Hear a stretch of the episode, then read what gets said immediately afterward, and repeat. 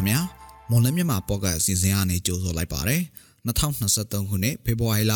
28ရက်နေ့ဒီနေ့ကျွန်တော်တို့တင်ဆက်မယ့်အစီအစဉ်မှာတော့ပရိသတ်တွေစိတ်ဝင်စားပွဲမွန်ပြည်နယ်တရင်ပြည်တွင်းသတင်းတွေနဲ့အာဆီယံသတင်းသတင်းပေးပို့ချက်ပြည်သူတွေသိထားတဲ့နေ့စဉ်ကုန်စည်နှုန်းသတင်းတချို့ကိုအစီအစဉ်ပထမပိုင်းမှာရွေးချယ်တင်ပြသွားမှာဖြစ်ပါတယ်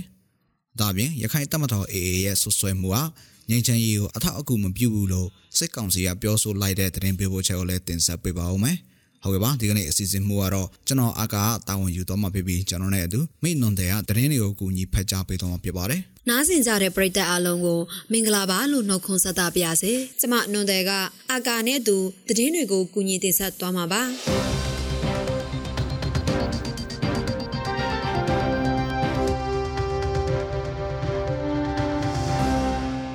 ပထမဦးဆုံးသတင်းတစ်ပုဒ်အနေနဲ့ စစ်အုပ်ချုပ်ရေးမာရှယ်လောကြီးညာထားတဲ့အမှုမြင်တဲ့ရင်းမျိုးနယ်အတွင်းမှာအခြေခံလက်လုံလက်စားတွေပုံမခက်ခဲလာတယ်လို့ဒေသခံတွေကပြောပါတယ်စစ်ကောင်စီကရင်းမျိုးနယ်ကိုစစ်အုပ်ချုပ်ရေးကြီးညာပြီးတဲ့နောက်ညမထွက်ရအမိတ်ကိုပါထပ်ထုတ်ထားတဲ့အတွက်ညစီရောင်းတဲ့သူတွေနဲ့ညပိုင်းအလုံးလုံးနေတဲ့သူတွေကအဆင်မပြေတော့ပဲတချို့ကတော့ရက်နာလာရတဲ့အခြေအနေအထိဖြစ်လာတယ်လို့သိရပါတယ်စစ်ကောင်စီရဲ့ညမထွက်အမိတ်ဟာ ပြည်သူတွေတဲ့အခက်အခဲတွေဖြစ်နေပြီးရေရှည်မှာတော့မိသားစုစာဝတ်နေရေးအတွက်ပါထိခိုက်လာနိုင်တယ်လို့ဒေတာခန်တွေကပြောဆိုနေကြပါတယ်။ညမထွက်ရအမိတ်ထုတ်ပြန်ပြီးနောက်စစ်ကောင်စီတပ်ဖွဲ့တွေကညပိုင်းမှာကင်းလှဲလေးရှိနေပြီးဖမ်းဆီးခံရတဲ့သူတွေလည်းရှိနေပါတယ်။မွန်ပြည်နယ်မော်လမြိုင်မြို့နယ်ကကြေးရော်အချို့တွေမှာအာနာဖီဆန်ရဲ့လှုပ်ရှားမှု CDN ပြုလုပ်တဲ့အစိုးရဝန်ထမ်းများရှိမရှိကိုစစ်ကောင်စီတပ်ဖွဲ့ဝင်တို့ကလိုက်လံစုံစမ်းနေတယ်လို့ဒေသခံတွေပြောပြချက်အရသိရပါဗျ။ မော်လမြိုင်မြို့ကတိုးကျေးရွာကော့နှက်ကျေးရွာကော့လှကျေးရွာဘက်မှာဖေဖော်ဝါရီလအတွင်း၌စစ်ကောင်စီတပ်ဖွဲ့ဝင်တို့ကကျေးရွာအတွင်းအစီရင်ဝင်စစ်တဲ့ပုံစံနဲ့ CDM များအကြောင်းကိုမေးမြန်းစုံစမ်းနေကြတာပါ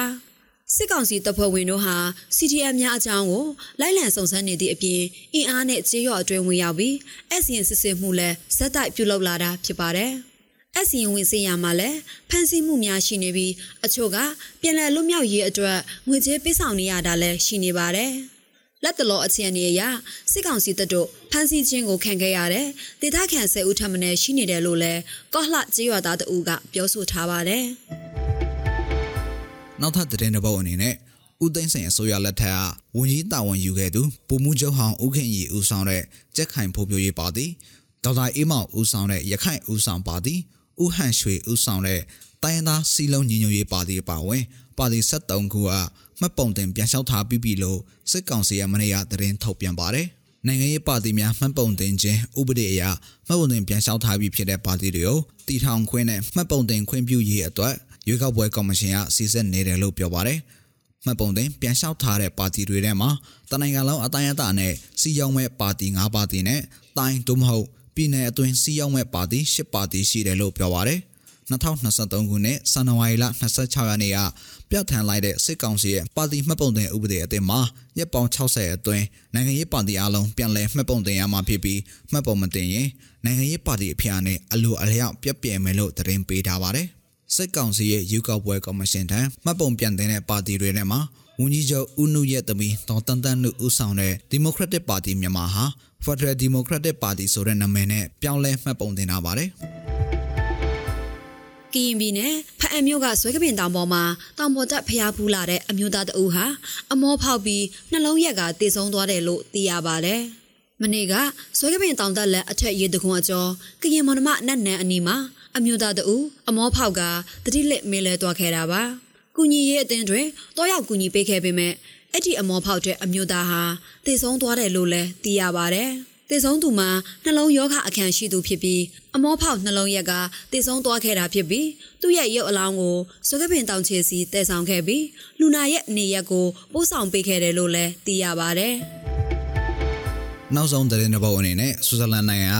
စားတုပ်ကုန်လုပ်ငန်းကြီးဖြစ်တဲ့ Nestle ကသူ့ရဲ့မြန်မာပြည်ကလုပ်ငန်းတွေကိုရပ်ဆိုင်းတော့မယ်လို့မနေ့ကကြေညာလိုက်ပါတယ်။ Nestle မြန်မာကုမ္ပဏီဟာအသင့်တောက်တုံးနိုင်တဲ့ကော်ဖီ၊မက်ကီခောက်ဆွဲ၊မိုင်လိုချောကလက်စတဲ့စားတုပ်ကုန်တွေကိုထုတ်လုပ်နေတာပါ။မြန်မာမှာလုပ်ငန်းရပ်ဆိုင်းပြီးရင်အိန္ဒိချင်းထိုင်းမလေးရှားနဲ့ဖိလစ်ပိုင်နိုင်ငံတွေမှာဆက်လုပ်သွားမယ်လို့လည်းပြောပါတယ်။ လုပ်ငန်းတွေရက်ဆိုင်မဲ့အစီအစဉ်ကြောင့်နင်းနာမဲ့သူတွေအတွက်အသက်နိုင်ဆုံးကူညီမှာဖြစ်ကြောင်းလည်းပြောခဲ့ပေမဲ့ဝန်ထမ်းဘယ်လောက်ရှိတယ်ဆိုတာတော့မသိရသေးပါဘူး2021ခုနှစ်ဖေဖော်ဝါရီမှာစစ်အာဏာသိမ်းပြီးနောက်ပိုင်းနိုင်ငံရေးစီးပွားရေးအကျပ်အသဲတွေပေါ်ပေါက်လာတာကြောင့်နိုင်ငံတကာလုပ်ငန်းတွေမြန်မာနိုင်ငံကနေတဖြည်းဖြည်းနဲ့ထွက်ခွာနေတဲ့အထက်အခုနောက်ဆုံး Nestle ကုမ္ပဏီလည်းပါဝင်လာတာဖြစ်ပါတယ်။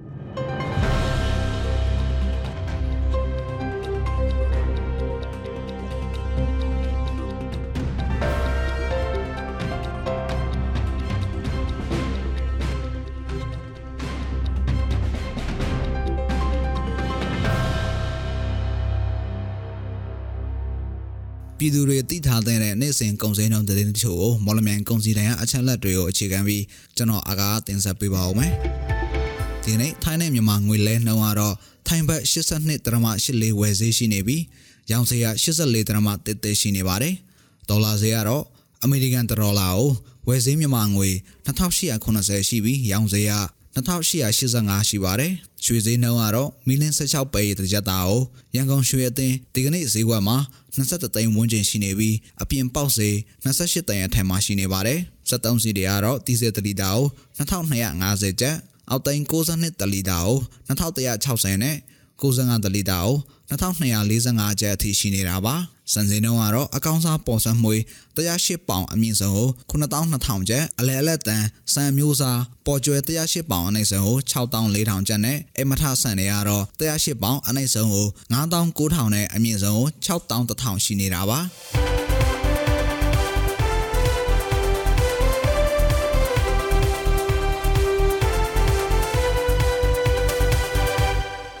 အခုတင်ဆက်ပေးတော့ခဲ့တာကဖေဖော်ဝါရီလ28ရက်နေ့မှာဖြစ်ပျက်ခဲ့တဲ့မွန်ပြည်နယ်သတင်းပြည်တွင်းသတင်းနဲ့အာဆီယံသတင်းတွေအပြင်တနေ့တာစီစိမ်းငွေစိမ်းနဲ့အကုန်စည်နှုန်းတွေကိုတင်ဆက်ပေးတော့တာဖြစ်ပါတယ်။ဆက်လက်ပြီးတော့ရခိုင်တပ်မတော် AA ရဲ့ဆွဆွဲမှုကငင်းချင်ရေးကိုအထောက်အကူမပြုဘူးလို့စစ်ကောင်စီကပြောဆိုလိုက်တဲ့သတင်းပေးပို့ချက်ကိုနဒီယာတင်ဆက်ပေးပါမယ်။ရခိုင်တပ်မတော် UNAAA ရဲ့တစ်ဖက်သက်ဆွဆွဲမှုဟာငင်းချမ်းရေးကိုထောက်ကူမပြုဘူးလို့စစ်ကောင်စီရဲ့တည်င်းထောက်ပြန်ရေးအဖွဲ့ခေါင်းဆောင်ဗိုလ်ကျောက်ဆောင်မင်းထွန်းကပြောပါတယ်။စစ်ကောင်စီကဖမ်းဆီးထားတဲ့ AA အဖွဲ့ဝင်တွေကိုပြန်လည်စီလို့မှုမရှိဘူးလို့ UNAAA ကတစ်ဖက်သက်ဆွဆွဲထားကြောင်းငင်းချမ်းရေးကိုရှေ့ရှုပြီးပြစ်ဒဏ်လွန်ငင်းခွေပေးခဲ့တယ်လို့ဗိုလ်ကျောက်ဆောင်မင်းထွန်းကပြောပါတယ်။ဒီ ULA အနေနဲ့အဲသူတို့ဒီကနေသူတို့ ဖမ်းဆီးထားတဲ့တွေပေါ့သူတို့နဲ့ပတ်သက်လို့ဖမ်းဆီးထားတဲ့တွေကိုအဲကျွန်တော်တို့ဒီလွတ်မပေးဘူးဆိုတဲ့ဟာမျိုးတွေအသက်ဆိုဆွဲထားတာကိုကျွန်တော်သိရတယ်ကျွန်တော်တို့ဆိုရအနေနဲ့ကဒီ ULA နဲ့ပတ်သက်ပြီးအာကျွန်တော်တို့ဆိုရလက်ထက်မှာပဲ NCA 6နှစ်ပြည့်မှာ62ဦးကိုပြည်ထောင်စုညင်ပေးခဲ့တယ်ပြီးရင်ကျွန်တော်တို့ပြည်ထောင်စုနဲ့စိန်တုပြည်ထောင်စုနေမှာ46ဦးအတော့ကျွန်တော်တို့ဒါ ပြည်ထောင်စုညင်ပေးခဲ့တယ်ပြီးအမျိုးသားနေမှာကျွန်တော်တို့18ဦးတသုတ်တဦးတော်တို့125ဦးတို့ပြည်ထောင်စုညင်ခွင့်ပေးခဲ့ပြီးဖြစ်ပါတယ်အဲတူတယ်မကပါဘူးကျွန်တော် KIA ANU MNDE RCS SSPP TNL ဒီအဖွဲ့တွေနဲ့ပတ်သက်ပြီးတော့တရားစွဲဆိုခံရတဲ့လူတွေကိုကျွန်တော်တို့အာငင်းချိုင်းရိုးရှိရှိပြီးပြည်ထောင်စုညင်ခွင့်ပေးခဲ့ပါတယ်စုပေါင်း205ဦးရှိပြီးဖြစ်ပါတယ်အဲဒီအချက်လက်တွေအမှန်တကယ်ရှိပြီးဖြစ်တဲ့ဟာတွေအချက်လက်တွေကို ရက်ွယ်ပြုတ်ပြီးဒီလိုမျိုးဒါတစ်ဖက်သက်ဆွဆွဲပြောဆိုတာဟာငင်းချိုင်းရေးလို့ထောက်ကူမပြုဘူးလို့ပြောချင်ပါတယ်အဲ့ဒီကိစ္စတွေကိုစစ်ကောင်စီနဲ့ URA AA တို့ညှိနှိုင်းဖြေရှင်းပါကပြည်လဲသွားမှာဖြစ်တယ်လို့ရခိုင်နိုင်ငံရေးသမားဥဖေတန်းကပြောပါတယ်။အာဒီဘက်ကသူတို့အပြန်လာနှစ်လအတွင်းမှာလှုပ်ပေးရမယ်ဆိုပြီးတော့ဂရိကဝတ်တွေရှိရဆိုပြီးတော့အာဒီဒီဘက်ကတင်းရရှင်းလင်းဝဲမှာဥခိုင်ဒုက္ခပြောတာကြားလိုက်တယ်။ဒါ တော့ အဲ့ဒီနှစ်လအတွင်းမှာ သူတို့ အပြန်လာလှုပ်ပေးဖို့ လိုတယ်ပေါ့နော်။ဒါဘယ်သူဘက်က မလှုပ်ပေးဘူးလဲ ဆိုတော့ သူတို့ရှင်း သိမှာပေါ့ ဒါပေမဲ့ဥက္ကဋ္ဌကပြောတာကတော့ ဦးဆက်ခွန်တစ်နှစ်တစ်တွေနဲ့ တရားရုံးတွေမှာ ရောက်နေကြတာပေါ့ အဲ့ဒါတွေကို လွှတ်ပေးဖို့ တာဝန်ရှိတယ်ဆက်ခွန်တစ်ဆိုတာ မတရားအသင်း ဆက်သွယ်မှုပေါ့ မတရားအသင်း ဆက်သွယ်မှုဆိုတာ ULA နဲ့ ဆက်သွယ်ဆိုတဲ့ လူတွေပေါ့နော် အဲ့လို မလွှတ်ပေးတာဟာအဲဒီစစ်ကောင်စီဘက်က အာဂတိကူအတိုင်း အကောင့်ထဲပို့ဖို့ နှောင့်နှေးတယ်ဆိုတဲ့ သဘောမျိုးပေါ့ အဲအဲ့လိုပြောရဲဆိုတော့အဲသဘော ကျွန်တော်တို့သိရဆိုတော့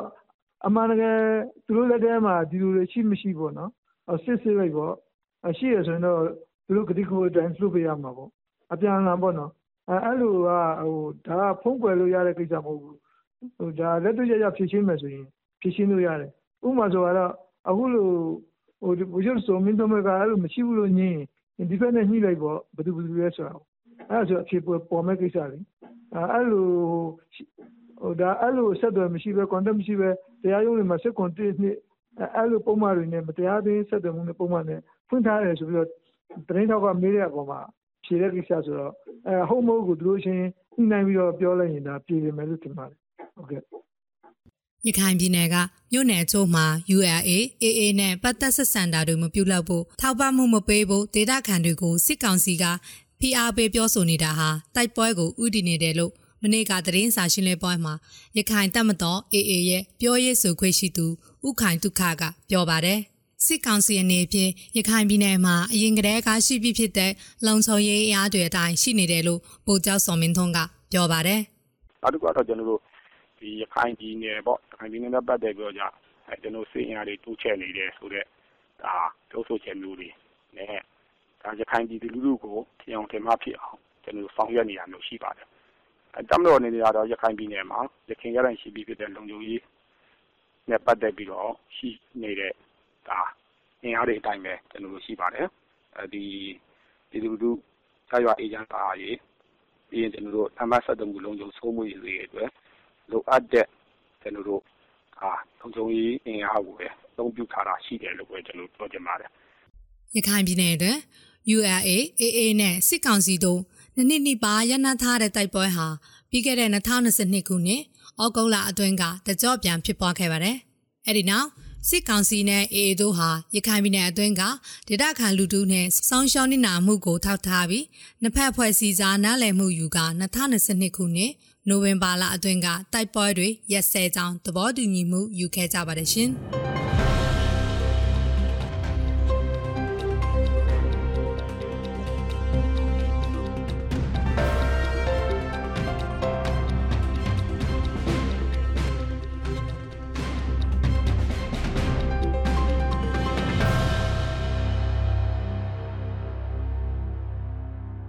တို့ရဲ့မွန်လန်းမြန်မာဖောက်ကက်အစီအစဉ်ဒီမှာတင်ပြီးဆုံးပါပြီ။နားဆင်ကြတဲ့ပရိသတ်အားလုံးကိုနောက်နေ့အစီအစဉ်တွေမှာဆက်လက်အားပေးကြပါဦးလို့ဖိတ်ခေါ်ရင်းဒီအစီအစဉ်ကိုဒီမှာပဲအဆုံးသတ်ပါရစေ။အားလုံးကိုကျေးဇူးတင်ပါတယ်ရှင်။